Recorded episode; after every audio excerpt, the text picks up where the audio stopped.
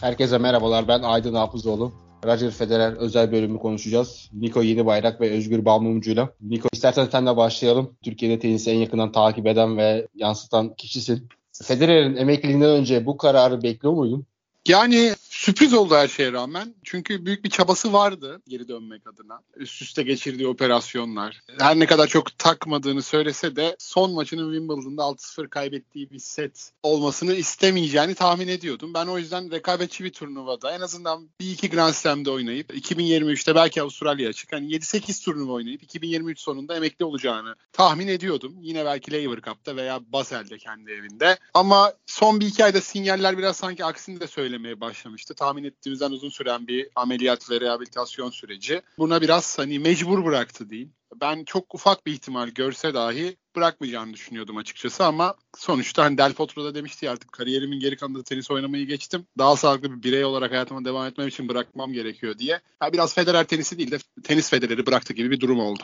Özgür Hocam peki son mesela 2020'de 6 maça çıkmış. 2021'de 13 ve bu sezon zaten son maçlara çıktı. Yani resmi de olmasa son 3 sezonda 20 maçı var. Siz bekliyor muydunuz bu kararı?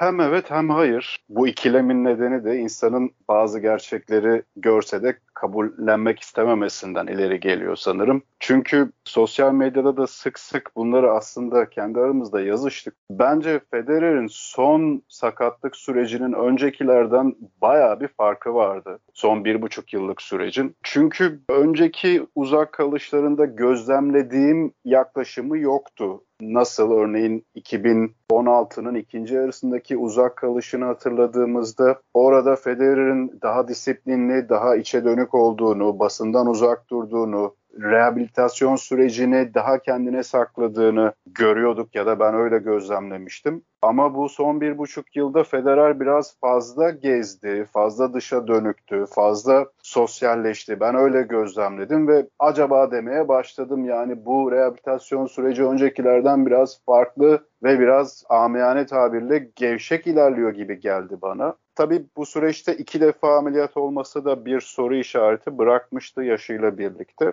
E sonra yakın dönemde bazı idman fotoğrafları, videoları düşmeye başladı ve biz yine arkadaşlarla aramızda konuşuyorduk. Hatta bir arkadaşım şey dedi, kortta bir videosunu gördüğünde ya dedi ben iyice ürkmeye başladım. Adam yere hiç basmıyor neredeyse dedi topa vururken dizine hiç yüklenmiyor dedi bunca uzun rehabilitasyon sürecinden sonra dizine bu kadar çekimser yaklaşması beni ürkütmeye başladı. Galiba dönemeyecek dedi. Bunlar birleştiğinde ben emeklilik kararını bekliyordum. Ama bir taraftan da Nikon'un söyledikleri çok doğru. Beklemiyordum çünkü Wimbledon'daki Bagel yiyerek son sette elde ettiği mağlubiyet böyle bırakmak istemeyeceğini düşünüyordum. Turnuvalara bir veda turuyla veda etmek isteyeceğini düşünüyordum. Ama belli ki Diz bunu kaldırmadı. Diz'den istediği performansı alamadı ve kaçınılmaz gerçekle sonunda tanıştık.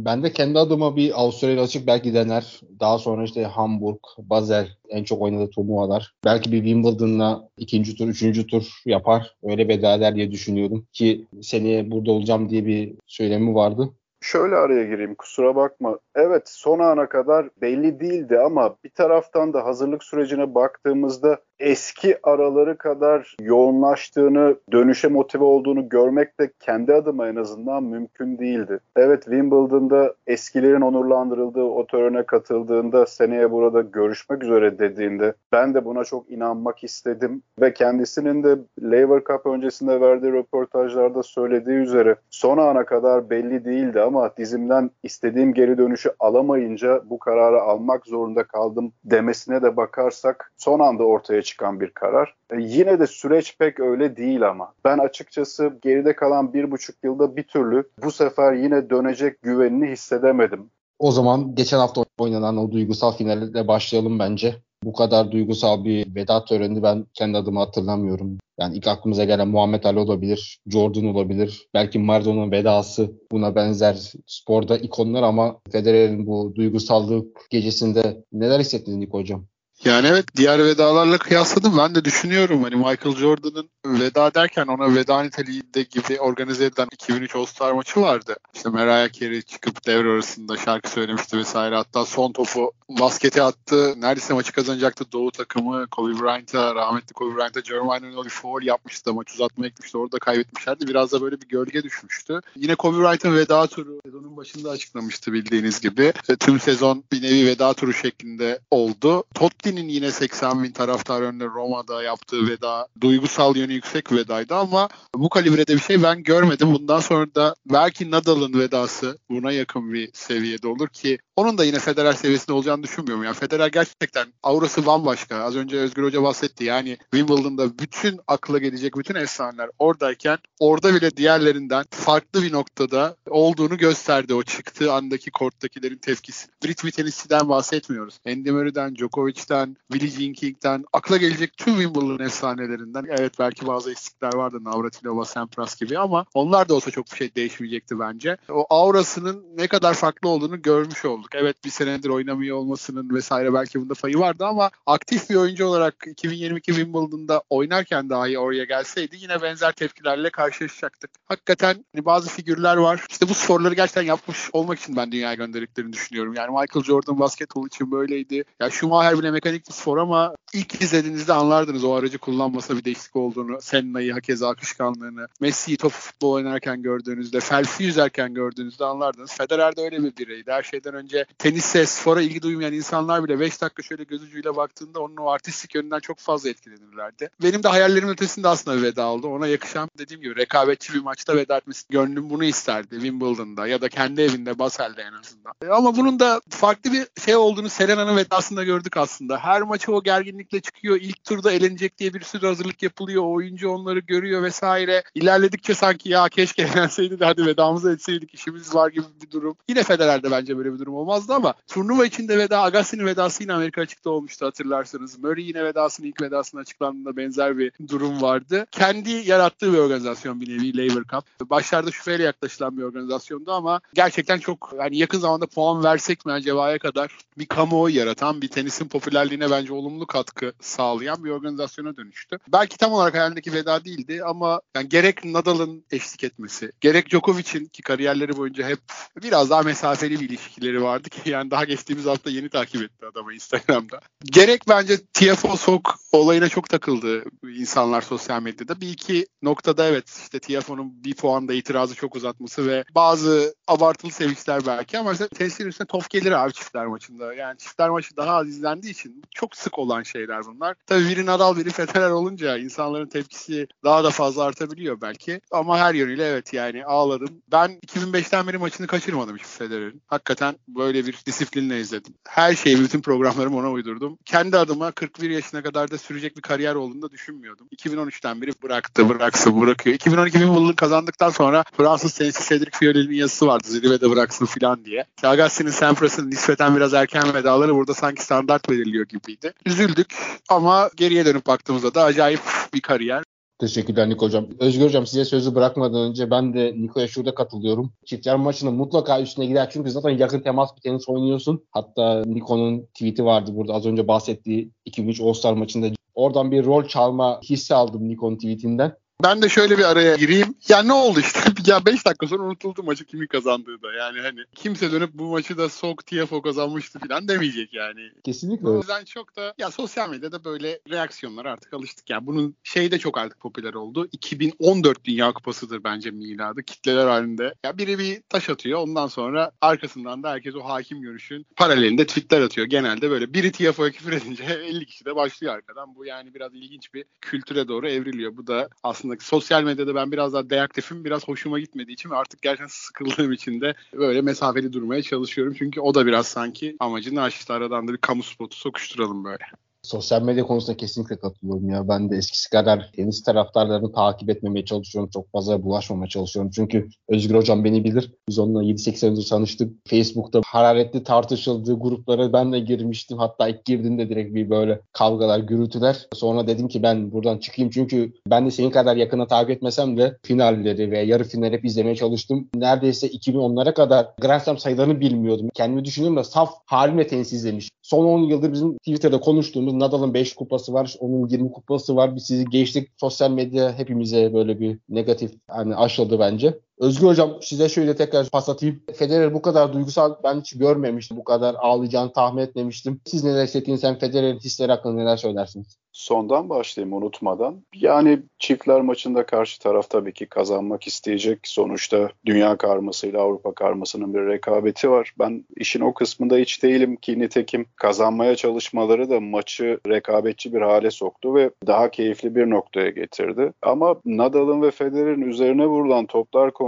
ben sizler gibi düşünmüyorum. Evet çiftler maçının bir taktiğidir bu ama bu kadar fazla sayıda yüksekten vücuda vurulan topları ben çok normal karşılayamadım. Hatta maçın son puanlarından birinde artık bu yüksekten vurulan toplardan biri Federer'e isabet etti ve seyirci de tepki gösterdi. Federer elini kaldırarak seyirciyi de yatıştırmak zorunda kaldı. En azından bu vücuda vurulan topları, yüksekten vurulan topları bu kadar ısrarla denemeyebilirlerdi. O geceye uymadı ama kazanmak için mücadele etmeleri benim de hoşuma gitti. O maçın anlamını da yükseltti. Federer'in veda maçında kazanmasının ya da kaybetmesinin bir önemi elbette yok. Zaten Federer'in kazanması ya da kaybetmesi meselesine gelecek olursak konuşmanın başında da o imada bulundum. Benim Federer'li yıllarımın kederli geçmesinin çok önemli nedenleri var mağlubiyetler açısından. O mağlubiyetler sıradan mağlubiyetler de değil. Birazdan konuşuruz. O açıdan bile aslında Federer'in kariyerinin en azından ikinci yarısına yakışır bir veda turnuvası oldu diyebiliriz. Kendisinin de bir açıklaması var bununla ilgili. Son tekler maçımı kaybettim, son çiftler maçımı kaybettim, son turnuvamı kaybettim ama yine de mutluyum diye. Turnuvaya dönecek olursak veda turnuvasına Federer taraftarları kendi aramızda yıl boyu bunu çok tartıştık. Özelde yazıştık. İster istemez Federer'in durumunu takip ettik ve geri dönüşe dair geçmişte olan yüksek motivasyonu ya da iyi işaretleri göremediğimizde hep aramızda şu geçiyordu. Federer kendisi işaret ettiği için 2022'de sadece Lever Cup ve Basel'i oynayacağını söylediği için acaba bu ikisinden birinde veda mı edecek? Bu soru aklımıza düştüğünde de açıkçası ben Basel'de veda edeceğini düşünüyordum. Sezon boyu bir veda turu yapmamasına şaşırdığım gibi aslında daha çok yaşı itibariyle Basel'de veda etmemesine şaşırdım. Demek ki dizi o kadar kötü durumda. Bilemiyorum artık. Lever Cup'a gelecek olursak benim kötü bir huyum var. Çok içselleştiriyorum. Maçları da öyle. Dolayısıyla benim Federer'le maçlarım da çok stresli geçerdi. 2019 Wimbledon finalinden sonra günlerce haftalarca kendime gelemedim. Bu nedenle emeklilik kararı açıklandığında da Lever Cup'a çok modum düşük girdim ve cuma gecesi de aslında son ana kadar ekran karşısında sanki hayatımın çok önemli bir parçası, önemli bir özelliğini kaybetmiş gibi son derece yılgın ve modum düşük bir şekilde izledim ama ne zaman ki Federer bir çocuk gibi çok sevdiği bir şeyi kaybetmiş bir çocuk gibi hıçkıra hıçkıra ağlamaya başladı. Orada ben de artık darmadağın oldum ve olayın içerisine girdim, ayıldım desem yeridir. Belki de Federer'i Federer yapan şey bu. Yani düşünün bir insanı 103 kupa kazanmış, 24-25 yıllık bir kariyer, inanılmaz başarılar, inanılmaz bir maddi kazanç, şan, şöhret ama hala bir çocuk gibi hıçkıra hıçkıra ağlayabiliyor. Bunu duygusal olarak kontrolünü kaybetmesinden daha öte değerlendirmek lazım. Çünkü gözyaşı dökmekle bence o şekilde bir çocuk gibi hıçkıra hıçkıra ağlamak arasında ciddi bir fark var ve o bağlılığı gördüğümde, o çocuksu bağı gördüğümde bir kere daha Federer'i neden sevdiğimi ve onun gidişiyle hayatımda nasıl bir boşluk doğacağını o an bir kere daha anladım ve 43 yaşındayım. Gecenin üçünde ben de açıkçası kendimi kaybettim desem yeridir. Çok üzücü anlardı. Burada bizler için tabii bir önemi daha var. Sadece sevdiğiniz bir sporcu emekli olmakta kalmıyor. İşte Niko söyledi 2005'ten beri sekmeden takip ediyorum diye. Benim tanışmam kendisiyle 2005'tir ama o hayatımın karışık bir dönemine denk geldiği için 2005-2010 arasında çok az maçını seyretmişimdir. 2010'dan sonra bir fiil bütün turnuvalarını takip ettim. O an benim için şu demekti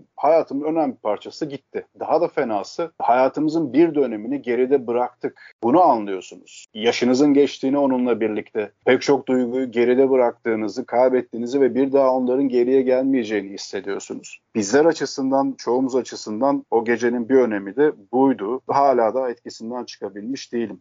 Beni de aslında bitiren olay Mirka'nın Federer'e sarılması ve devamı oldu. Yani oraya kadar biraz tuttum kendim ama Mirka'ya saygım bir kat daha arttı. Aslında burada da Niko'yu da sormak istiyorum. Yani Mirka Federer biraz laf edilen taraf oldu ama Mirka bence herkesin saygısını kazandı bu sarılmasıyla, öpmesiyle.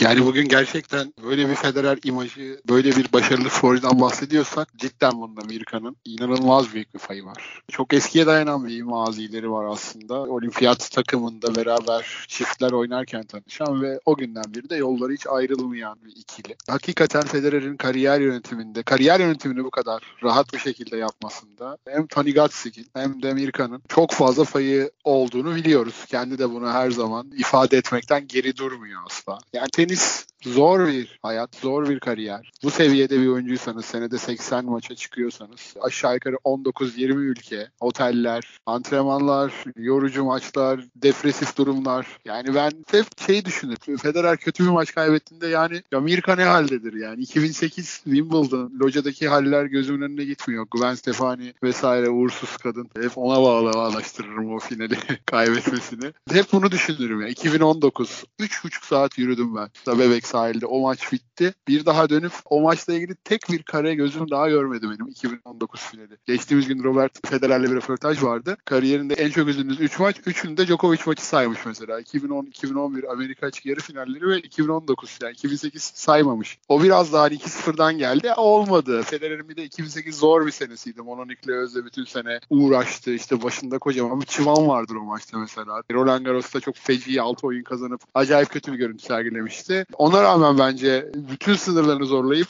çok prime bir Nadal'a karşı o maçı 5 sete taşıması hatta bazı ufak şanslar bulması final setinde kariyerinin en efik yenilgilerinden biridir o. 2019 Wimbledon kazanıp kaybetmeyi hak ettiği çok maçı kazandı ama kazanmayı hak edip kaybettiği yani bir sporcunun ben böyle bir maç gerçekten hatırlamıyorum. Hakikaten 5 set olmasına bakmayın. Normal şartlarda kim olursa olsun 3 sette bitireceği bir maçtı ki yarı finalde Nadal'ı da 4 sette çok rahat geçmişti mesela. Yani Federer'in olgunluk döneminin 2017'de bile önünde görürüm o 2019 Wimbledon performansını. Mirka'yı da hep böyle düşündüm. Dediğim gibi yani dört çocuk, tenis zor bir kariyer. Federer gibi bir figürün etrafındasınız. Evet söylemesine siz tamamen görünüşe dayalı. Federer kusursuz bir varlık olduğu için yanına da Tiger Woods'un tarzı seçimler istiyor insanlar. İşte Leonardo DiCaprio gibi takılsın istiyor ama Federer'i Federer yapan olaylardan da biri bu açıkçası. Ailesine verdiği değer. Mirka da onun kariyerini gerçekten 7 olacak kariyeri ona çok net yükselten bir figür olduğunu söyleyebilirim. Hem tenisten gelen biri olması. Zaten çok şık bir şekilde ifade etti Federer'de ona olan sevgisini diyeyim. Bana istediği zaman dur diyebilirdi ama her zaman beni teşvik etti. O yüzden de Federer'in gerçekten arkasındaki o takımın en önemli bence şeylerinden biri. Hiç unutmam 2015'ti galiba Wawrinka'ya Cry diye sahiplenmişliği bile vardı locada.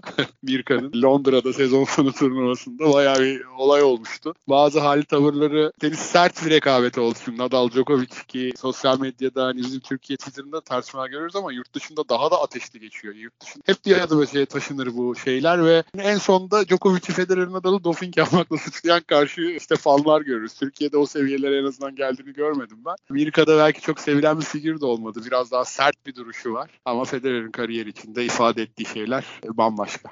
Özgür Hocam sizin var mı Mirka ile ilgili söyleyecekleriniz? Şimdi söyleyeceklerim de yanılma ihtimalim tabii ki güçlü gözlemimi söylüyorum. Federer'in Nadal ve Djokovic kadar hırslı bir karakter olduğunu düşünmüyorum. Her ne kadar kariyerin ilk yılları farklı bir görüntü arz etse de şunu hatırlayın. Federer 14. Grand Slam'ini kazandığında şunu söylemişti. Bütün hedefim Pete Sampras'ı yakalamaktı. Sonrası benim için hep ekstraydı diye. Sanki 14. Grand Slam zaferinden sonra tamamen zevkini oynuyormuş gibi bir izlenim bırakmıştı. Bu beyanatını birkaç yıl önce okudum galiba. Tam hatırlamıyorum. Nitekim Federer'in 2000 2000'li yıllarda o fırtına gibi estiği dönemdeki Masters performansına bakarsanız da o performansın düşüklüğünden görebilirsiniz. Yine kendinden önceki neslin Masters turnuvası performansına bakarak belki de çok yüklenmediği bir alan. Ne zaman ki 2010 sonrasında Nadal ve Djokovic bu alanda fark yaratmaya başladılar. Sanki Federer de o zaman Masters'lara önem vermeye başladı gibi geliyor bana. Dolayısıyla Federer'i ben Nadal ve Djokovic kadar hırslı bir karakter olarak görmüyorum. Evet tenisi çok seviyor,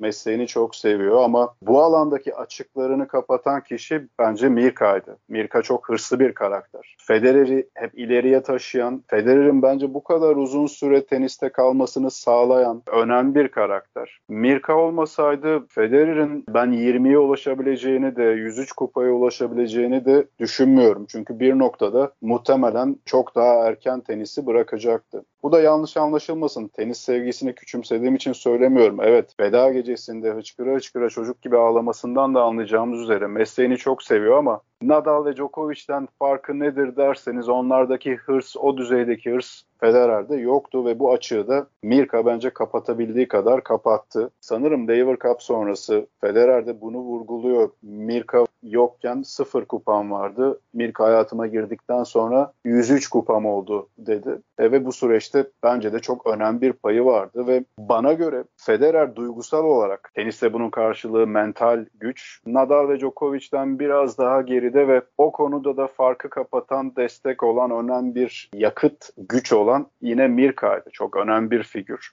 24-25 yıllık kariyerin bence en önemli unsurlarından biri de Mirka.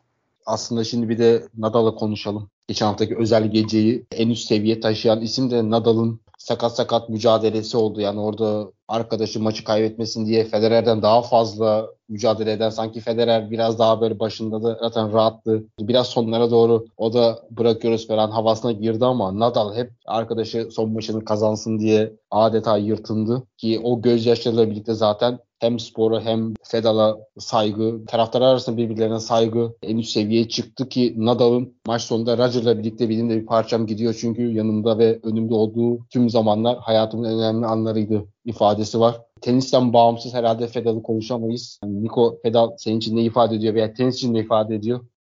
Valla bizim için ifade ettiğinden öte yani birbirleri için ne ifade ettiklerini acayip bir şekilde gördük. Yani az önce benzer bir veda olmadığından bahsettik. Cidden bu seviye bir rekabet. 44 maç yanılmıyorsam. Kortu birbirine dar etmiş bir ikili. 2005'ten başlayarak. İşte 2009 Avustralya açık finalini hatırlayın. Kaybeden tarafsınız ve üst üste arka arkaya işte bir numarayı kaybediyorsunuz. Yenilmez bir insanken birden İspanya'dan bir çocuk çıkıyor ve sizi arka arkaya yenmeye başlıyor. Façanızı bozuyor amiyane tabirle that. Ve artık onun duygu boşalmasıyla rakibimizin omuzlarında ağlıyorsunuz kaybettiniz bir maçta. Kazanan ağlayanları çok gördük. Unutulmaz bir andır mesela. Ya da ne bileyim 2007 Wimbledon finali 5. setinde işte Nadal kitabında bahseder. Yani girdim duşun altına saatlerce ağladım son seti o kadar kötü oynayıp kaybettiğim için. Hani birbirlerine bu kadar depresif anlar yaşatmış iki isim. Düşünemiyorum Jordan'ın vedasında Karl Malone, Reggie Miller orada bir koltukta yan yana üçünü beraber ağladıklarını falan. Hakikaten acayip bir seviye. Aile olarak da çok yakınlar takımlar. Yani 2010-2011 yanılmıyorsam sezon sonu finallerinde Federer'in Nadal'ı iki sette geçtiği bir şey vardı Londra'da. Ya Federer'in soyunma odasının dışında Nadal'ın tüm aile orada kutlamaya gelmişler ve böyle sanki gerçekten kendi oğullarını kutluyor gibi bir yakınlık. Zaten hepsinin veda mesajları ayrı ayrı Tony Nadal'dan işte Federer'in annesine kız kardeşine yine benzer içerikteydi.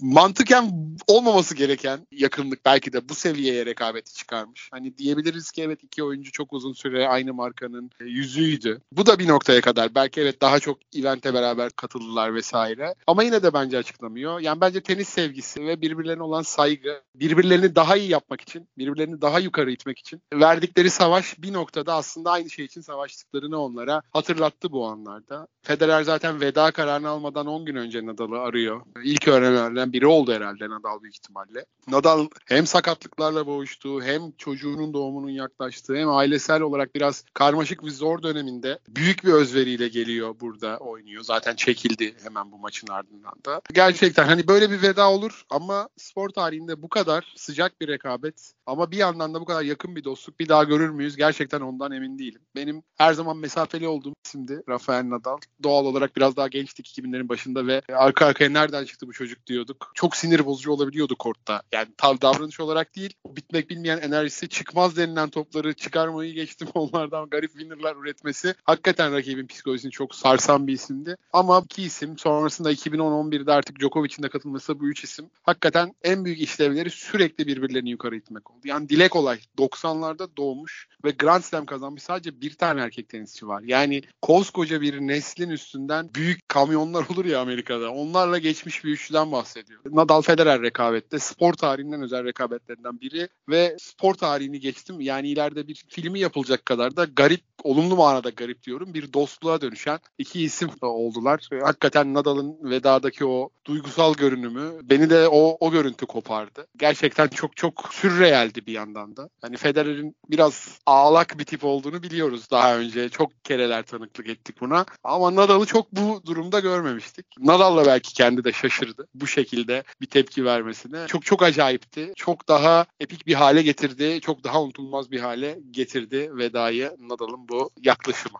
Niko sana paralel şunu söylemek istiyorum. Sokrates dergide 40-0'da Erman Yaşar da benzer bir soruyu sordu ve cevapladı kendince. Bir insan hayatı boyunca kusursuz olabilir mi veya işte dediğin gibi bunların bir PR çalışması olduğunu düşünebilirsiniz. Çünkü dediğin gibi kusursuz bir arkadaşlık, dostluk ve fedal markası var. Erman Yaşar'ın söylediği şey şuydu. Nadal'ın artık orada hıçkırarak, çenesini tutarak ağlaması yani bunu herhalde yapabilecek insan yoktur. Bunu da yapıyorsa gitsinler. Nadal Oscar versinler dedi Erman Yaşar. Yani bunun artık gerçek olmayan bir şey olmadığını düşünmek artık hayal dışı olur. Çünkü Nadal da kusursuz bir insanmış ki burada arkadaşa ve dostuna tüm saygısını göndermiş oldu. Özgür Hocam aynı soruyu size de sorayım ben. Feda sizin için ne ifade ediyor ki zaten siz öğrenciniz. Okan Köroğlu'nun sorusu vardı. Feda sizler için ne ifade ediyor veya tenis için ne ifade ediyor. Bir oradan girelim. Sonra da kariyerine devam ederiz.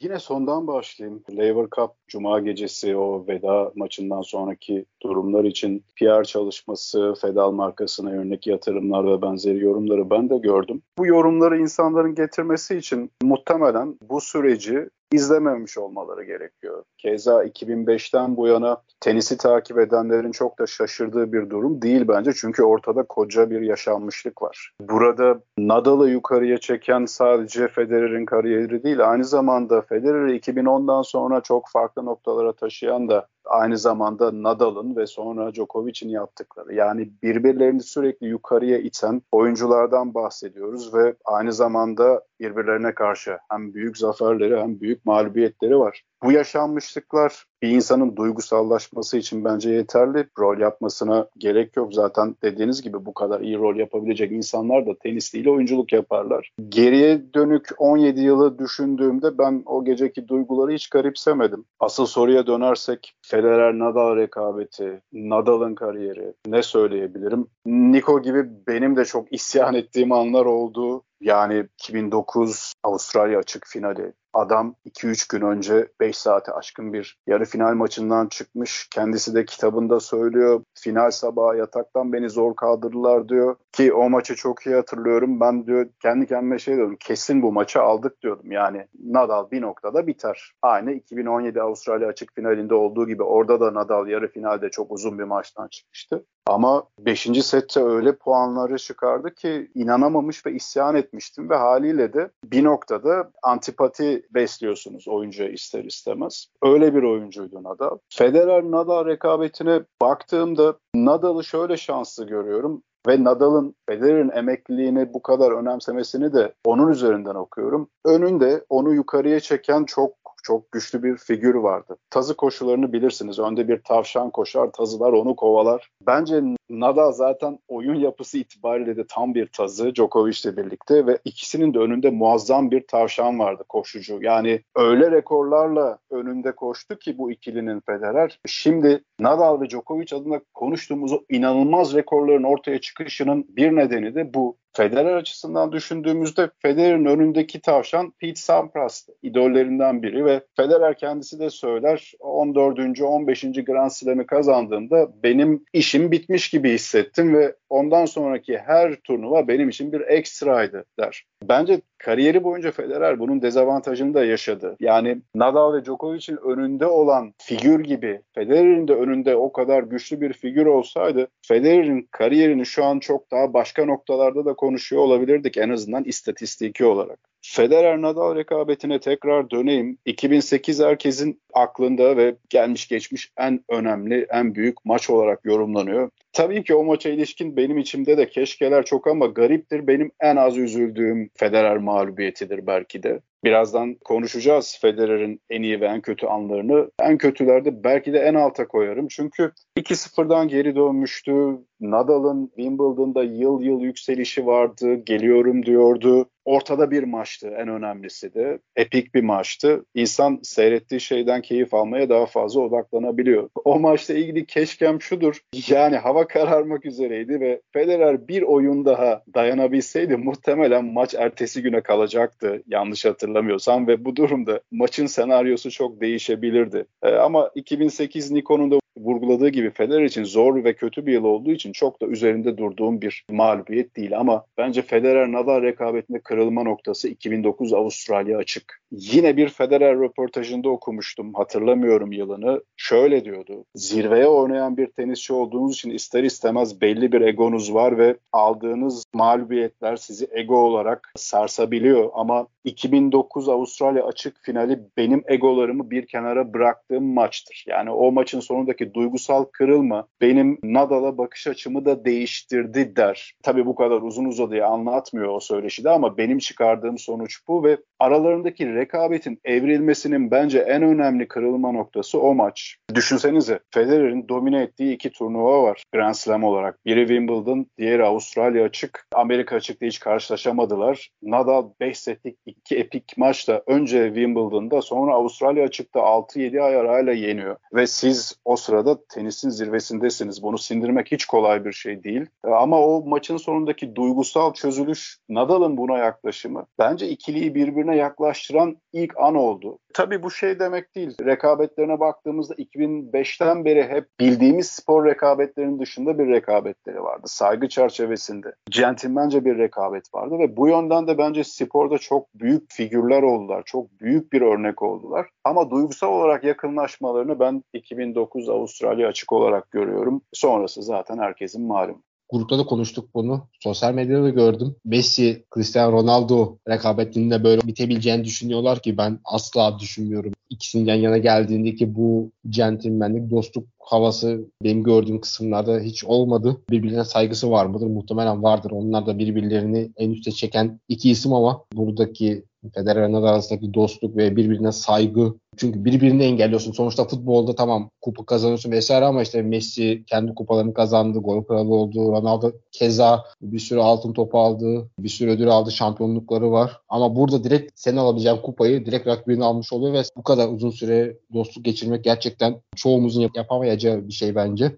Şimdi de Nico aslında direkt Federer'i konuşalım bence. Federer'in tenisteki yeri sence nedir? Çünkü ben birçok Federer röportajında şunu gördüm. Tenisi değiştiren isim olarak bir ifade kullanmışlar. Federer tenisi neresine koymak lazım sence? Federer bu kadar en iyi yapan veya özellikleri sence nelerdir? Yani tenisin neresinden ziyade bence tenis üstü figür haline çok uzun zaman önce döndü. Forest Science'i segmentine koymak biraz daha mantıklı gibi. Gerçekten korta adım attığında size bambaşka şeyler hissettiren. Yani Birleşmiş Milletler Genel Sekreteri olsa şaşırmazsın. 3-4 dili kusursuz konuşuyor.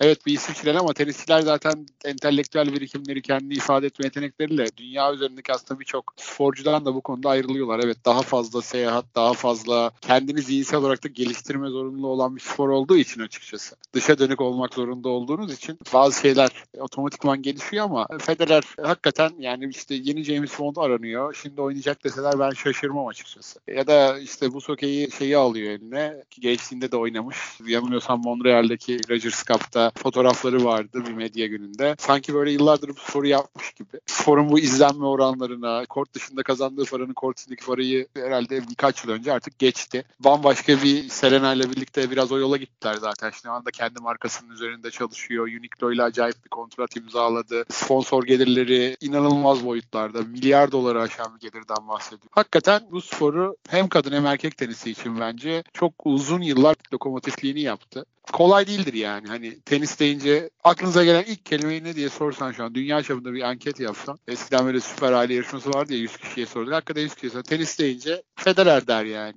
En az 80 kişi Federer der. Böyle bir figürden bahsediyoruz. İyimser bakanlar işte hayat devam ediyor. Bakın Alcaraz çıktı. İşte Nadal Djokovic hala kortta. izlenecek falan diyorlar ama bu tarz şeylerin psikolojik ağırlığı geç fark ediliyor. Gerçekten 2000'lerin başında özellikle 98'de Jordan bıraktığında bir kasvet vardı NBA'nin üstünde. Hemen arkasından gelen lockout sezonu vesaire onu hissedebiliyordunuz. Evet artık günümüzde her şey belki çok daha fazla hızlı tüketiliyor. Belki gerçekten de tahmin ettiğimiz kadar inanılmaz bir boşluk olmayacak. Belki Sinel'le Alcaraz gelecek seneden itibaren acayip bir rekabete tutuşacak. Belki Nadal'la Djokovic sağlık sorunlarını bir kenara bırakıp son bir sene tam performanslarıyla belki 4 Grand Slam'de de final oynayıp ya biz ne izliyoruz dedirtecek. Bunlar hepsi olasılık mümkün ama Federer'in ifade ettiği şeyleri bunlar çok değiştirmiyor açıkçası. Hakikaten tenisi bulan abi kimse ileride bunu Federer gelsin oynasın diye icat etti bence. Nasıl Phelps yüzerken böyle bir his veriyorsa, nasıl Jordan basketbol oynarken, nasıl Maradona futbol oynarken böyle bir his veriyorsa Federer de hep o hissi verdi bana öncelikle. Benim annem tenisten anlamaz ama dünyanın en büyük Federer hayranıdır.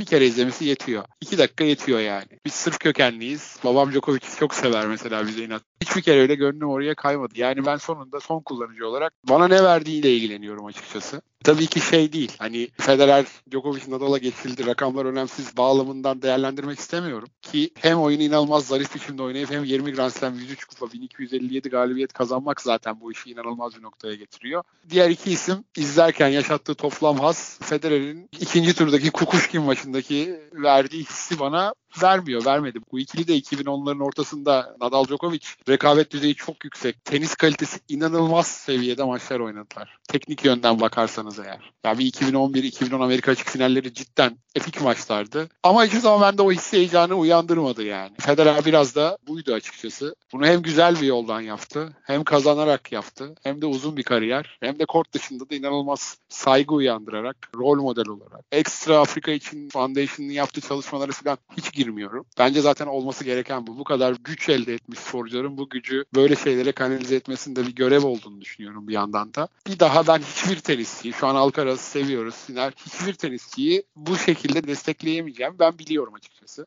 Denemek bile istemiyorum. Ben Federer sonrası biraz denemek değil de isim olarak arayışa geçmiştim. Zverev'i buldum ama Zverev hem Alman genlerine hem Rus kendine sahip olmasına rağmen çok kırılgan bir isim çıktı. Sonrasında biraz Felix'e takıldım ki onu 16-17 yaşından beri takip ettim ama o da ATP'ye çıkınca bir tırmanış yapamadı. Hala bir kırılgan bir oyuncu. Felix Ojer Alisime. Özgür Hocam siz Federer için neler söylersiniz? Ki size şurada pas atmadan önce şunu söylemek istiyorum. Kaan Kural'ın bir ifadesi var. En iyisi midir bilmem fakat sporda zarafet kavramının bir numaralı karşılığı olabilir. Ve ekstra olarak Raket Servisi podcastinden Gökalp ve Anıl'ın sözünü almıştım oradan. Anıl Arası diyor ki bana göre tenisi en güzel oynayan kişi mükemmel bir seyir zevki ve mükemmel bir estetik. Federer deyince herhalde ilk aklımıza gelen şey sanat ve estetik oluyor. Siz neler söylersiniz? Evet öyle. Bunları kelimelere dökmek bile bana çok zor geliyor. Ama Federer'in tenisteki yerini ve önemini özetle derseniz aklıma gelen ilk cümle şu. Seyirci olarak bir sporu seversiniz ve bir gün o sporda bir oyuncu dikkatinizi çeker ve onun hayranı olursunuz. Ya da bir sporcu bir gün dikkatinizi çeker, o sporu seversiniz. Bence Federer birçokları için ikincisi. Ben 2000'lerin ortalarına gelinceye kadar elbette tenise uzak değildim. Sıkı bir kadınlar tenisi hayranıydım. Steffi Graf'la başlayan, sonrasında Martina Hingis'le devam eden ki çok büyük bir Martina Hingis hayranıydım. Benim kaderim oradan belliymiş İsviçrelilere. Hocam pardon buna inanayım mı ben kadınlar tenisi sevdiğinize? 2005 öncesi. İnanabilirsin çok sıkı bir hayranıydım. Sizin biliyorum çünkü yani. Anlatacağım o süreci işte şimdi. Sonrasında işte Martina Hingis 2001'de bilek sakatlığından tenisi bıraktı. Nasıl üzüldüğümü anlatamam ama o dönemde yine Williams kardeşler, Davenport'lar, Moresmo'lar filan kadınlar tenisinde inanılmaz bir rekabet var bana göre. Takip ediyorum ama erkekler tenisine hep uzağım. Şöyle biliyorum tabii ki izliyorum Pete Sampras'ları, Agassi'leri maçlarına bakıyorum ama inanın o dönemde bitirebildiğim izlediğim erkekler maçı yok. Öyle sıkılıyorum. Affedin beni. Dürüst olmak zorundayım. Ve bu 2005'e kadar sürdü. Zaten kadınlar tenisinin de bence iğmesini kaybettiği dönem 2005 sonrası. Bir gün benim Federer'le tanışma maçım tamamen rastlantı. Gecenin bir saati Safin'le Federer'in Avustralya açık yarı final maçını seyrettim. Denk geldim. Yani öyle zaten erkekler tenisini denk geldikçe seyrediyordum. Pete Sampras'ın maçlarını vesaire. Bu da öyle oldu. Federer 5 sette kaybetti.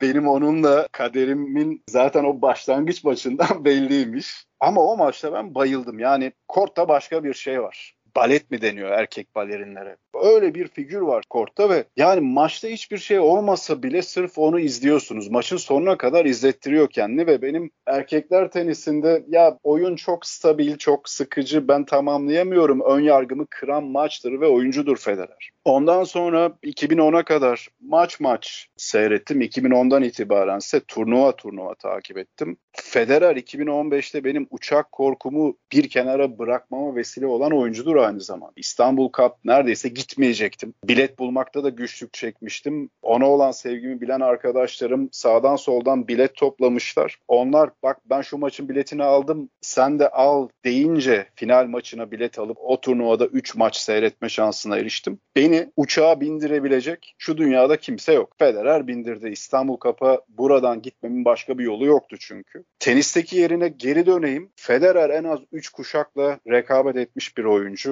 En az 3 kuşakla oynamakla kalmadı. Bunlarla yoğun bir rekabetin içine girdi ve tenis tarihinde rakiplerine bu kadar büyük bir itici güç olabilen bir oyuncu hatırlamıyorum. Çok güçlü bir figür bu açıdan. Onun tenisteki varlığı sadece kazanma hırsıyla da ilişkilendirilebilecek bir durum değil ki zaten başta da vurguladım ben Federer'in hırsını rakiplerine göre daha düşük düzeyde buluyorum. Onunki büyük bir meslek aşkıydı ve bu kortta çok belli oluyordu. Yani hayranı olduğumuz için bizim yakıştırmamız mı acaba diye çoğu zaman düşündüm ama veda maçının sonrasındaki o çocuk gibi hıçkıra hıçkıra ağlaması bile tek başına mesleğe olan aşkını gösterir nitelikteydi ve sırf bu yüzden Pete Sampras gibi erken emekliyi de tercih etmedi. Düşünün Nadal ve Djokovic gibi iki canavar tazı rakip karşısında kim olsa daha erken bırakırdı diye düşünüyorum. Onlarla bu rekabetin içine girdi ve bugün Nadal ve Djokovic bu inanılmaz istatistikleri imza attılarsa bunda Federer'in tenisteki yeri ve önemi büyük bir etkiye sahip. Federer'i anlatmak bu programın süresinin dışına taşacak bir şey benim için. O yüzden bu noktada noktalıyım. Sorularım arasında yoktu ama Niko'ya şunu sormak istiyorum. Kendisi gazeteci ve yorumcu olarak İstanbul ATP'de Federer yakın temasla veya yakından tanışma fırsatını buldun mu? Evet ilk gün biraz erken gittim lansman toplantısı olduğu gün şansıma yani 2-3 saat erken gittim belki görürüm diye. Oturduğumuz yerde arkada yemeğe indi o da. Kaldı otelde İstanbul'da. İşte nazik bir şekilde fotoğraf isteğimizi kabul etti. Hatta kendi yerinden kalkıp bizim yanımıza doğru geldi. İşte korumalarına tamam sıkıntı yok gibi bir işarette bulundu. Çok kısa sohbet ettik. Hatta böyle şey fotoğraf çekildik ya burası gölge güneşe geçelim dedi. Biraz orada çekilelim falan dedi. Acayip sürreal bir andı benim için. Ve bütün hafta ben böyle gölge gibi takip ettim onu. Bayağı bir itemimi imzaladı. Son gün finalden sonra tekrar alt tarafa imza atmaya gelince bir top daha uzattım. Bana dedi ki sana bu hafta çok şey imzaladım dedi. Böyle de zeki ve hafızası kuvvetli bir isim aslında. Bütün hafta bana o kadar çok şey imzaladım unutmamış ve son topumda imzalamadı böyle gülümseyerek. Acayip haftaydı gerçekten benim için. Ondan önce bir kere Rotterdam'da izlemiştim 2008'de. İki kere canlı kortta izleme imkanı buldum Federer'i. Birinde de şampiyonluk kazandı. Hatta İstinye tesislerde bir şampiyonluk puanı sırasında çekilen fotoğraf var. Arkada da ben gözüküyorum. Oraya böyle ara ara arkadaşlarım gidip o fotoğrafı atıyorlar bana. Falan bir gün öyle gidersem başkandan da isteyeceğim o fotoğrafı. Güzel duruyormuş çünkü gerçekten ben de yeni fark ettim. Ben de o hafta oradaydım. En yakın işte 2-3 metre yakından antrenman çıkmıştı. Oradan geçerken bir fotoğraf çekme şansım oldu. Gerçekten izlemek kusursuzdu. Federer deyince ilk aklınıza gelen en kötü ve en iyi anılar, maçlar, kırılma noktaları 3 veya 5 tane ne kadar isterseniz. Niko'dan başlayalım isterseniz. En kötüler 2019 Wimbledon finali bence biraz bu 20-21-22 Grand Slam olayında biraz kırılmaya imza attı. Hem Nadal hem Djokovic üstte yenip şampiyon olacaktı ve bunu 38 yaşında başarmış olacaktı. Acayip bir şey olacaktı ve bence o Amerika açığa daha moralli gidecekti. Orada da bir şansı olacaktı diye düşünüyorum. Çünkü o yıkımı kendisinde de o sezonun geri kalanında vücut dilinde falan gördük açıkçası. Çok üzdü, çok yaraladı. Bir yandan bakınca hani 2005'te 38 yaşında gelip Wimbledon finalinde maç puanı kazanır. O dönemin en iyi oyuncusuna karşı desen ya iyi senaryoymuş. Okeyim derdim ama acı verici bir şekilde kaybetti. Bu biraz ayrı. 2009 askerdeydim. Çok zor şartlar altında takip ettim. Hafta sonu iznime bile çıkmamıştım. Sabah oynanıyordu çünkü maç. Pazar günüydü iznim. Çıkmayıp bölüğün internet kafesinde o zaman tabii internet hızları malum. Böyle yarım yamalak sürekli kesilen ve sinir bozucu bir şekilde. Onda da evet ya onda çok emindim galibiyetten. Federer Nadal Verdasco'ya karşı 5,5 saat kortta kalmış. Tekerlekli sandalyeyle falan böyle maçı terk etmiş ve hani sabah hala maça 2 saat kala oynayıp oynamayacağı belirsizdi. Bütün vücudunun kasıldığı, kramplar oldu. Zar zor hareket ettiği söyleniyordu. Uhrevi bir güç geldi Nadal'a da. Orada biraz beklenmedik bir mağlubiyetti. Sarsıcı oldu. Yani kötü anılar var çok var ya. Federer'de kötü anı bitmez yani. Hani 2011 Roland Garros finali bence ilk sette 5-2'den vermeseydi o da Nadal'ın çok keskin olduğu bir sene değildi. Biraz ilginç bir yöne gidebilirdi. İlk sete çok iyi girdi. 5-2'den 30-0'dan verdi, kırdırdı. 7-5 ya da tiebreak. Tam anımsayamadım. Bu maçları bir daha dönüp izlemediğim için böyle hafızamda da çok şey değiller. Silmeye gayret ediyorum. O da üzücüydü ki ben Federer tarihin en epik galibiyetlerinden biridir. 2011 Roland Garros yarı finali. Nadal'a Djokovic'e karşı 41 maçlık serisiyle gelmişti Djokovic. O parmak işareti vesaire acayip performanstı. En iyi toprak maçıdır. En iyi 3 maçından da biridir bence. 2017 bambaşka bir şey. Bazı bütün böyle hesapların kapatıldığı bir maç oldu benim adıma. Kazanacağını biliyordum, tahmin ediyordum. Bence bir adım öndeydi Nadal'dan ama yine de 5.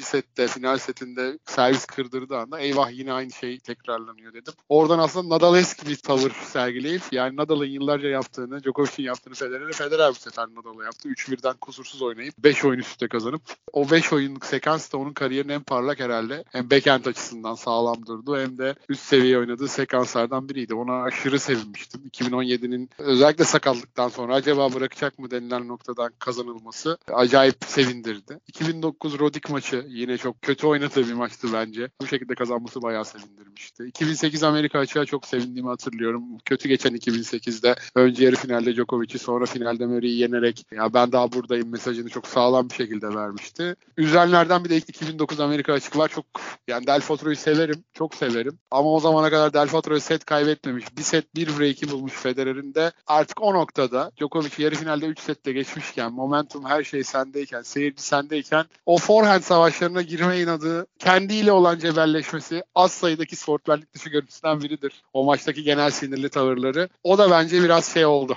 O da bir kırılmaya yol açtı yani. Grand Slam sayılarında böyle domino etkisi yaratan Grand Slam'lerden biridir. Yani Federer ve Djokovic, Nadal'la Djokovic'e kaybedilen maçlar bir noktaya kadar anlaşılır ama Del Potro'ya maçı o şekilde kaybetmesini çok şey yapamıyorum. Kabullenemiyorum açıkçası. 40-15 herhalde uzun yıllar unutamayacağımız bir skor. Çünkü o maçı Djokovic hayranlı kız arkadaşımla izlemiştim. Sonra yolda eve geldim. Hala maç demişti. Finali evde nasıl bitirdim hatırlamıyorum ki. Onun üzüntüsü Orada bir kadın vardır. Bir puan kalmış 40-15'te parmağını kaldırır. Görüntü hala gözüm önüne geliyor böyle. Bir puan kalmış artık maçmış havasında ama maç oradan dönmüştü. Wimbledon finali zaten unutulmaz kazandığı. 2014 Cilic'e kaybettiği 3-0'lık maç var US Open'da. Yani orada yenip Kane Nishikori'yi çok rahat geçeceği bir finalde Cilic elenmişti. Ve bence de en iyisi olarak Avustralya açıktaki o finali ben kendi adıma çok coşkulu izlemiştim. 2-2, 4-3 ve 40-40'da bir puan vardı ki Federer'in de bir röportajında dinlemiştim. En iyi puanım diyor sanırım onun için. 36 saniye sürmüş 26 vuruş. Orada kazandığı puan ve avantajı alması, devamında 3-2 maçı kazanması aklımda kalan iyi anı diyebilirim. Özgür Hocam sizler neler düşünüyorsunuz? Hem ben söyledim hem Niko söyledi. Sizlerde neler var? Senin ve Niko'nun parmak bastığı birkaç noktadan ben çok farklı bir giriş yapacağım. Arkadaşlarla yıllardır tartışıyoruz. İşte God, God tartışması en iyi kim? Makul bir gerekçe var. İşte Federer kendisinden 5-6 yaş genç olan iki güçlü adayla rekabet etti. İşi çok zordu. Şimdi Djokovic ve Nadal'ın rekabet ettiği nesle baktığımızda Federer'in rekabet ettiği Djokovic ve Nadal'ın elinde su döker. Dezavantaj durumunu sıklıkla vurgularlar ama Federer'in Djokovic ve Nadal'a karşı yapamadıklarından ziyade diğer rakiplere karşı takıldığı noktalara takılıyorum. İşte Niko 2009 Amerika açık finalini vurguladı. Del Potro o maçı kaybetmemesi gerekiyordu. Anlamsız bir forehand yarışına girildi. Niko çok doğru söylüyor ve Federer görmediğim kadar agresifti. Yani ne derdi vardı bilmiyorum. O gün tuhaf bir inatlaşma içerisine girdi ve resmen elindeki maçı verdi desek yeridir. 2008 Wimbledon finaline öyle bakmıyorum. Belki o yüzden çok üzülmüyorum ama 2009 öyle, 2019 öyle. Ben çok daha garip maçlar hatırlıyorum. Sanırım 2011'de Wimbledon çeyrek finali Songa 2-0 önde ve Federer böyle bir kal gelme durumları oluyor bazı maçlarda ve 2-0 önde olduğu maçı Abi araya giriyorum. Federer'in o benim de aklımda hiç unutmuyorum. O kadar sinirlenmiştim. En iyi tenis oynadığı yıllardan biridir 2011. O kadar tabelada boş kaldı ki. 5 Masters kazandı. Londra'yı kazandı. Hiç Grand Slam'lere taşıyamadı. Cidden çok temiz tenis oynadığı bir seneydi. Ve o Songa'yı gelseydi bence ne Nadal ne Djokovic formda bir Djokovic'ti evet 2011 ama yine de Wimbledon'da şansı olmazdı diye düşünüyorum ki 2012 Wimbledon'da bir sene sonra gördük aslında yine Prime Djokovic'e karşı ne kadar rahat kazandığını. O gerçekten çok acı verici bir maçtır 2011 Songa maçı. Yani Songa'nın ilk set bittiğinde oraya kadar gelene kadar kusursuz bir oyun oynamıştı hakikaten. Çok şu an hatırlattın tekrar beni üzdüğüm bir tür. Kalan 3 setin hep başlangıç oyunlarında kırdırdı. Yani kurulmuş saat gibi. Bir türlü o ataleti kıramadı Federer. Çıldırmıştım ekran karşısında. Neden o maçı hatırlattım? Çünkü eğer Aydın şu soruyu soracaksan Federer'in kariyerindeki kırılma anını ben 2011 derim. Çünkü Federer 2010'da bir düşüş yaşadı ve orada Nadal'a Djokovic'in de eklendiğini gördü ve bence 2011'de bir ayılma yaşadı. Durumun ciddiyetine vardı ve orada artık kariyerine yaklaşımı, oyununa yaklaşımı da farklılaştı ve bunu 2011'de Roland Garros'ta gördük. Muazzam bir oyunla Djokovic'i eledik ki ben ihtimal vermiyordum o maçı kazanmasına. Çok şaşırmıştım. Finalde de ilk defa Roland Garros finallerinde Nadal karşısında 3 seti çok yakın oynadı. İlk 3 set 7-5, 7-6 bitti yanılmıyorsam. Artık 4. sette yağmur molasından sonra Federer bıraktı. 6-1 bitti o set. Ve Niko'nun söylediği gibi ilk sette 5-2 30-0 önde. O seti kazanabilseydi muhtemelen en kötü ihtimalle 5 setlik bir maç seyredecektik. Yine Nadal kazansa bile. O sezonun kırılma maçlarından biri. İkincisi işte Wimbledon çeyrek finali Songa karşısında 2-0'dan 3-2'ye giden maç. Akabinde 2011 Amerika açık yarı final. Yani orada da Djokovic karşısında muazzam bir iki setten sonra geriye düşüp 5. sette 5-3 40-15 maç puanı alıp kendi servisinde oradan değerlendirememesi yine benim için büyük bir hayal kırıklığıydı ki o maçın bir de şöyle bir önemi var. Amerika açık finalinde ilk defa Nadal'la karşılaşmış olacaktı. O maçı kazanabilseydi. Dahası o yıl özellikle Wimbledon ve Amerika açıktaki bu 2-0'dan verdiği maçlar bence o yılın ve sonraki yılların seyrini de değiştiren, Federer'in sonraki yıllardaki Grand Slam zaferlerini geciktiren ya da azaltan çok önemli bir faktör. Ama ve lakin tabii ki bütün bu acabaların zirvesinde 2019 Wimbledon finali var. Niko'nun söylediği gibi kariyerinde ilk defa Nadal ve Djokovic'i peş peşe yenerek bir kupa kazanmış olmak da kalmayacaktı. Aynı zamanda hepimizin de içten içe bildiği üzere kariyerinin son finalini kazanmış olacaktı. Çünkü kabul etmek istemesek de artık 38 yaşında bir oyuncunun muhtemelen son finaliydi. Yine Niko'nun söylediği gibi benim hiç beklemediğim bir şekilde muazzam oynadı yarı final maçını ve final maçını da muazzam oynadı aslında. Ve yanlış hatırlamıyorsam o turnuvada yarı finale gelinceye kadar böyle biraz soru işaretleri bırakarak gelmişti ama sonra oyunu bir açılmış bir açılmıştı ve normalde mental olarak Djokovic'e karşı bazı takıntıları, zafiyetleri olmasa o final en kötü ihtimalle 3-1 Federer'in zaferiyle bitecek bir finaldi. Ama maç 5 sete geldi. Federer'in Djokovic karşısında aşamadığı bazı klikler nedeniyle ve dahası 8-7 40-15 yani o anı unutamıyorum. 40-15'e kadar servisinde çatır çatır puanları alan adam bir anda aynı Songa karşısında, aynı 2011 Amerika açık yarı finalinde Djokovic karşısında olduğu gibi araba farı görmüş tavşan gibi dondu kaldı. Sonrası zaten herkesin malumu. Bunlar sindirmesi çok zor mağlubiyetler. Çok iyi hatırlıyorum 2019 Wimbledon finali sonrasında Onur'du galiba tenisle ilgilenen muhabirlerden biri. Biz Federer hayranlarının maça yönelik tepkilerini her şeyde Federer kazanacak değil biraz da o kaybetsin şeklinde karşılamıştı ama şunu görememişti. Orada mesele Federer'in mağlubiyeti değildi. Federer ilk defa Djokovic'e yenilmiyor. Federer ilk defa maç ya da ilk defa final kaybetmiyor. Zaten bugüne kadar yanılmıyorsam 31 Grand Slam finali oynamış. Bunun 11'ini kaybetmiş. Yani en yüksek kayıp yüzdesi belki de onda. Mesele orada kaybetmesi değildi. Mesele herkesin farkında olduğu üzere kariyerinin sonuna gelmiş bir oyuncunun çok güzel bir veda finali olacaktı. Hem Nadal ve Djokovic'i üst üste yenme hem kendi alanı olan, kendi kortu olan Wimbledon'da bir zaferle, hak ettiği bir zaferle veda etme imkanı. Sonrasının çok daha zor olacağını biliyorduk nitekim dizi yarı yolda bıraktı Federer'i. O finalin o yönden çok büyük bir önemi var. Hala da atlatabilmiş değilim. En iyi anlara gelirsek tartışmasız 2017 Avustralya açık finali. Niko aslında özetledi son 5 oyun. Benim Federer'in kariyerinde 2005-2007 arasını çok seyrek seyrettiğim için söylüyorum. Kariyerinde görmediğim bir seviye. Yani sürekli saldırdığı hiç tereddüt etmedi. Federer'in tereddütünü kortta hissedersiniz. Güvensizliğini hissedersiniz bazı noktalarda. Örneğin 40-15'ten sonra Nadal karşısında takılıp kalması gibi. Orada bir o tedirginliği hissettim. Federer 40-15'te servis atmaya geldi. Allah dedim yandık. Çünkü bir geldiler adama. O araba farı görmüş tavşan durumunu nerede görsem tanırım. Çok yaşadım çünkü Federer'le. Dedim yandık.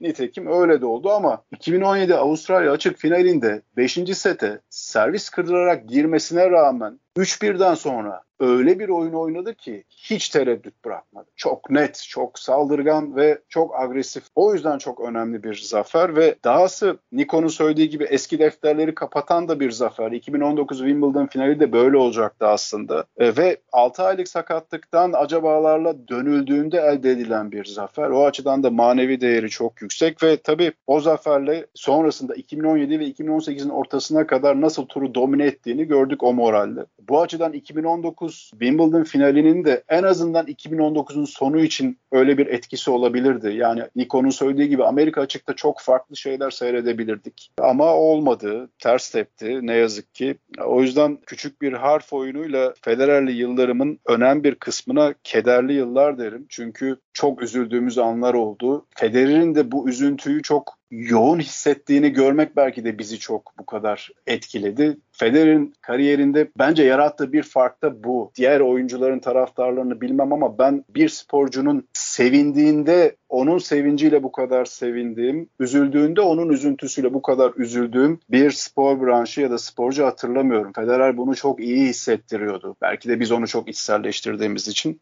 böyle böyle muazzam bir kariyeri geride bıraktık. Evet hocam iyisiyle kötüsüyle diyelim ama bizde hissettirdiği biraz daha sanki kötüler ağır basmış gibi görünüyor. Zaten diğer tarafı 103 kupa, 20 tane Grand Slam, 28 ATP Masters şampiyonluğu. Muhteşem bir kariyer. Tabii akıllarda kalan keşkeler var. Son olarak iki tane soruyu birlikte sormak istiyorum. Önce Niko'da başlayalım. Yani birinci soru Tom Brady işte sonra Schumacher geri döndü bir dönem. Keza bazı futbolcular geri dönüyorlar. Roger Federer geri döner mi? Böyle bir soru işareti var mı sence? Ve Federer sonrası hani büyük dörtlü ben Wawrinka'yı sayarım oraya. Bana göre büyük beşlidir. Tenis sence nasıl olur? İşte Alcaraz, Felix, Zverev, Sinner, Medvedev, Tsitsipas bir sürü isim var. Team var burada sakatlığına rağmen. Bunlardan sonra tenis sence nasıl olur? İzler miyiz? Veya bu seviyeye mutlaka gelemeyecektir ama tenisi de nasıl görüyorsun?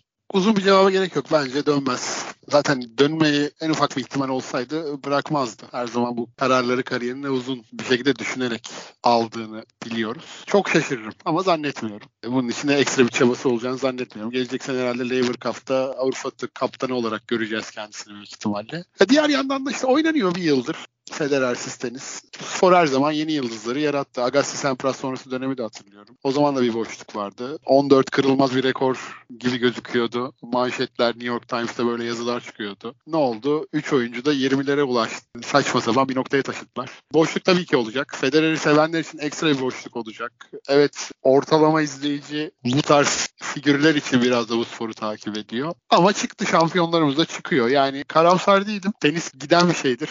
Halay giden bir şeydir karikatürüne göndermeyle. Birçokları için eskisi gibi olmayacak. Ama bireysel spor, bireysel rekabet her zaman yeni kahramanlarını yaratıyor. Ama yeni gelen nesle de onlardan bir Federer, Djokovic, Nadal rekabeti beklemememiz, bu baskıyı omuzlarına yüklemememiz gerekiyor. Çünkü bambaşka bir şey izledik.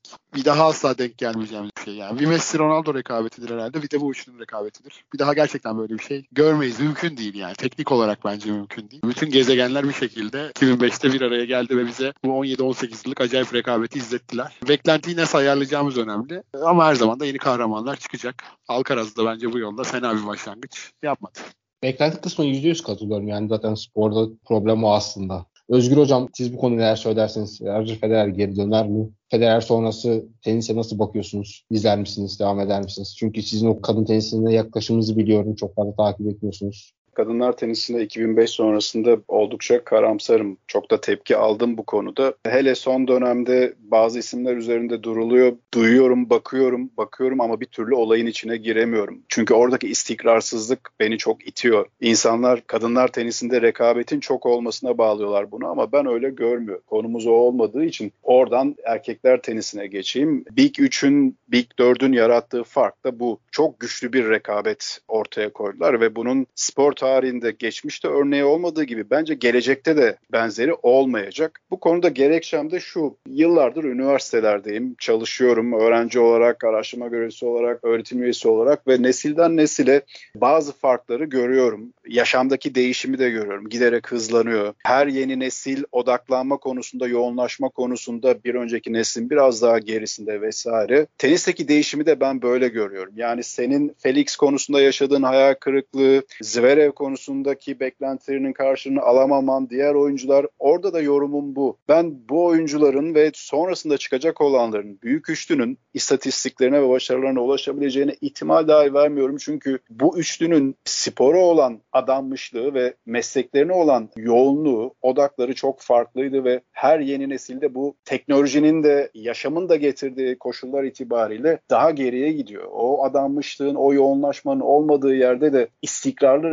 rekabetin ve başarının ortaya çıkması çok zor. Bence bundan sonra teniste daha değişken, sürekli isimlerin değiştiği, aynen kadınlar tenisinde olduğu gibi daha çeşitli arz eden ama istatistiksel olarak en azından başarının daha sınırlı kaldığı bir süreç yaşayacağız. Alcaraz diğerlerine göre biraz daha farklı görünüyor ama yani bunu nereye kadar ileriye taşıyabilir biraz daha seyretmek lazım. Ben artık teniste yeni nesil için çok erken yorum yapmamayı öğrendim. Çünkü beklentilerimiz olan oyuncular bu konuda bizi ısrarla hayal kırıklığına uğrattılar. Örneğin benim en büyük hayal kırıklığım da Çiçipas'tır. Belki tekel bekent olması bende bir iyimserlik yaratmış olabilir ve korttaki süzülüşü bana hep böyle biraz daha estetik gelmişti. Korta yakıştırıyordum ama beklentilerin çok altında kaldı. O yüzden büyük üçlü, büyük dörtlü sonrası çok beklentim yok. İzleyecek miyim? Federer'in uzun süreli sakatlıkları ve hemen üstüne gelen pandemiyle ciddi bir darbe almıştım zaten tenise ilgi bağlamında. Giderek azalan bir seyir sürecine sahiptim. Ancak Laver Cup biraz beni motive etti, şöyle etti. Büyük üçlüden biri gitti. Kalan Nadal ve Djokovic ile de son demlerimiz artık ve 2023 yılı ikisinin rekabeti açısından çok belirleyici olacak. Ona bir odaklanmaya niyetim var ama sonrası çok zor olacak. Çünkü 2005 öncesindeki erkek erkekler tenisinde hissettiğim durumları hissetme olasılığım çok güçlü. Federer geri döner mi sorusuna gelirsek yıllardır konuşuruz. Benim beklentim şuydu. Federer'i dizi yarı yolda bırakmasaydı, daha doğrusu yolun sonunda bırakmasaydı. Federer'in 43'e kadar filan teklerde oynayıp 43'ünden sonra çiftlerde oynayacağını birkaç yıl daha öyle emekli olacağını düşünüyordum. Neden böyle düşünüyordum bilmiyorum. Belki meslek aşkı nedeniyle teklerde rekabet edemeyecek duruma gelse bile çiftlerde birkaç yıl daha devam edecek edecektir diye düşünüyordum ama bu diz belası bütün planları bozdu. Herhalde 2016'dan bu yana 5-6 ameliyat olmuştur. O dizden beklediği verimi alabilseydi emekli olmazdı zaten. O yüzden ben geri dönme ihtimalini görmüyorum. Bu duygusal olarak alınmış bir karar değil. Zaten duygusal olarak bu kararı alacak biri bu kadar diz ameliyatı olmaz. En son iki ameliyat üst üste oldu. İşin garip tarafı son iki ameliyatı e, sanırım tercih sebebiydi. Yani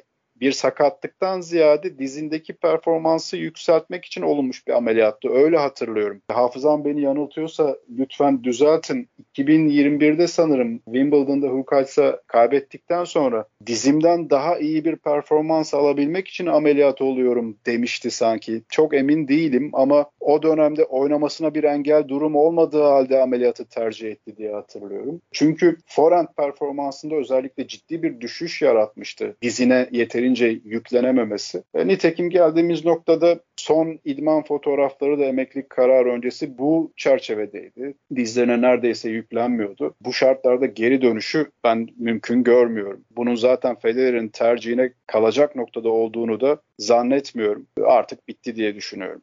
Benim sorularım bu kadar. Roger Federer konuşsak tabii ki saatler alır. Sizlerin son söylemek istedikleri varsa, benim unuttuğum sorular varsa buyurun.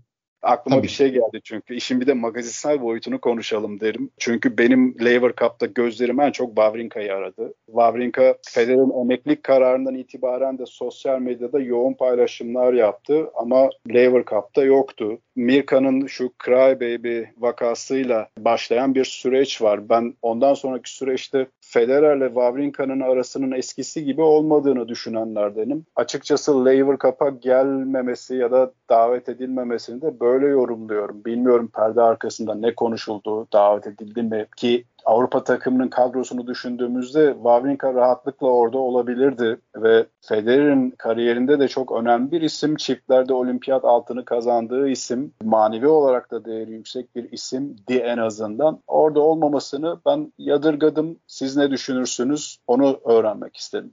Benim notlarım arasında zaten Wawrinka vardı hocam. Maçta Wawrinka kesinlikle görmek isterdim. Benim Sam Wawrinka sevgimi zaten biliyorsunuz o tekel backend'i Federer'in önünde bile görüyorum bazen böyle yetenek olarak ama ki geçen hafta da ATP Mets'te oynadı galiba. Sanırım finale kaldı ama çekilmek zorunda kaldı. Artık araları iyi mi kötü mü ama ben de kesinlikle Wawrinka'yı burada görmek isterdim. Niko sen neler düşünüyorsun ve son söylemek istediğin bu öyle kapatalım.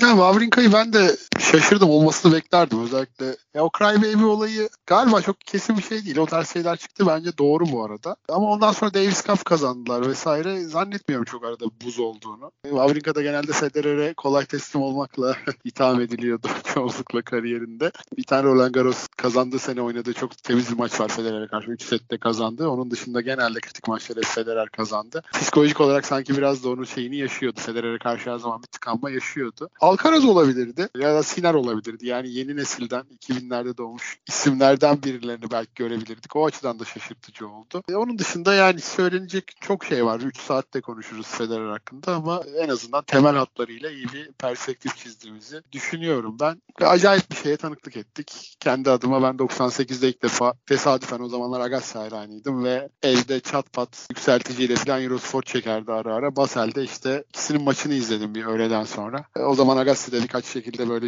büyükleriyle takdir etmişti birkaç vuruşunu. 6-3-6-2 kazandı Agassi. Sonra 2001'de Agassi Sempras'tan dolayı Agassi tarafındaydım. Sempras'ı 2001'de yenen birini görmek beni çok keyiflendirdi. Orada daha da yakınlaştırdı. Sonrası zaten çorap söküğü gibi geldi. Rodik'ten de pek haz etmezdim. Hüvit'i de hiç sevmezdim. O ikisini sürekli yenen birine hayran olmak da çok zor olmadı benim için açıkçası. Acayip bir şeydi. Gerçekten başından sonra tanıklık ettiğim. Üzüldük, sevindik. Hayal kırıklığı çok oldu. Çok fazla içselleştirdik. Yeri geldi gözyaşı dövdü. Tanıştık bir şekilde. Acayip serüven başka herhangi bir takımla, sporcuyla da böyle bir bağ kuracağımı düşünmüyorum hayatımın geri kalanında. 20 yıl aşağı yukarı boyunca yaşadığım şeylerden de acayip derecede mutlu ve keyifliyim.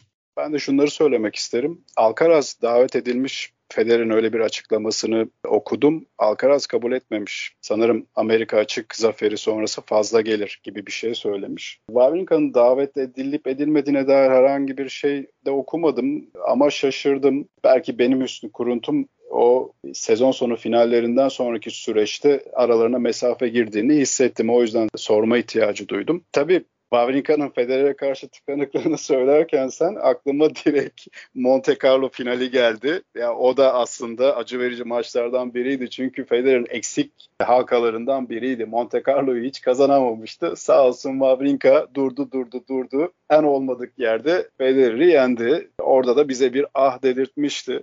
Benim de son sözlerim şu olsun. Şimdi burada bizi dinleyenler şöyle zannedebilir işte fanatik seyirci grubundan kişiler olduğumuzu zannedebilirler. Federer'e bağlılığımızı da öyle yorumlayabilirler. Ama ben şunu gönül rahatlığıyla söyleyebilirim. Ben hayatımda hiçbir spor takımını, Beşiktaşlıyım, Beşiktaş'ı bile, hiçbir sporcuyu bu kadar yoğun takip etmedim. Bu kadar yoğun desteklemedim, bu kadar üzülmedim, bu kadar sevinmedim bu tarz bir taraftar değilim. Bir taraftar profiline uymuyorum zaten. Ama Federer benim için bambaşka bir şeydi. Çok farklı bağlar kurdum ve dediğim gibi onunla birlikte sevinmek, onunla birlikte üzülmek, sanki aileden biriymiş gibi hissetmek çok garip duygulardı benim için. Ve 2010'dan itibaren turnuva turnuva onunla gezmek şimdi anlıyorum ki çok güzel bir duyguymuş. İşte konuşurduk bu sezon hangi turnuvalara katılacak, katılmalı, katıldığı turnuvada ne yapacak, edecek. Sürekli belirli periyotlarla bu turnuvalarla yatıp kalkardık. Sanki biz de onun peşinden turnuva turnuva gezerdik, seyahat ederdik. Bu çok güzel bir duyguymuş ve işte son bir iki yıldır zaten bunun yokluğunu hissediyordum. Şimdi acı gerçekle tanışınca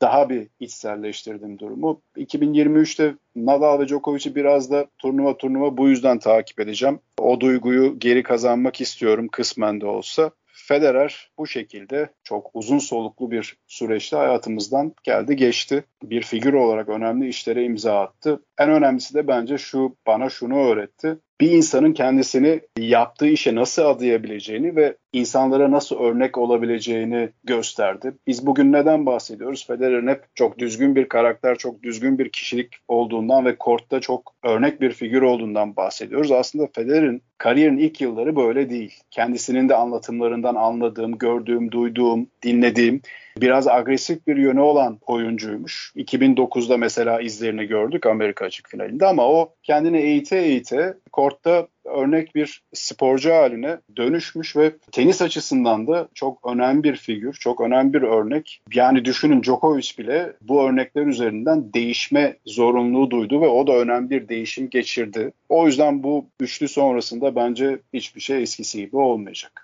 Bizler de bu büyük kariyeri, sporun bile üstü bu muhteşem tenis kariyerini Roger Federer'i konuşmaya çalıştık. En azından elimizde bir bizim de ileride biz bunu konuştuk, dile getirdik diye bir podcast çektik. İkinize çok teşekkür ediyorum. Hem zaman ayırdınız hem emek verdiniz. Bir dahaki podcast'te görüşmek üzere. Hoşçakalın.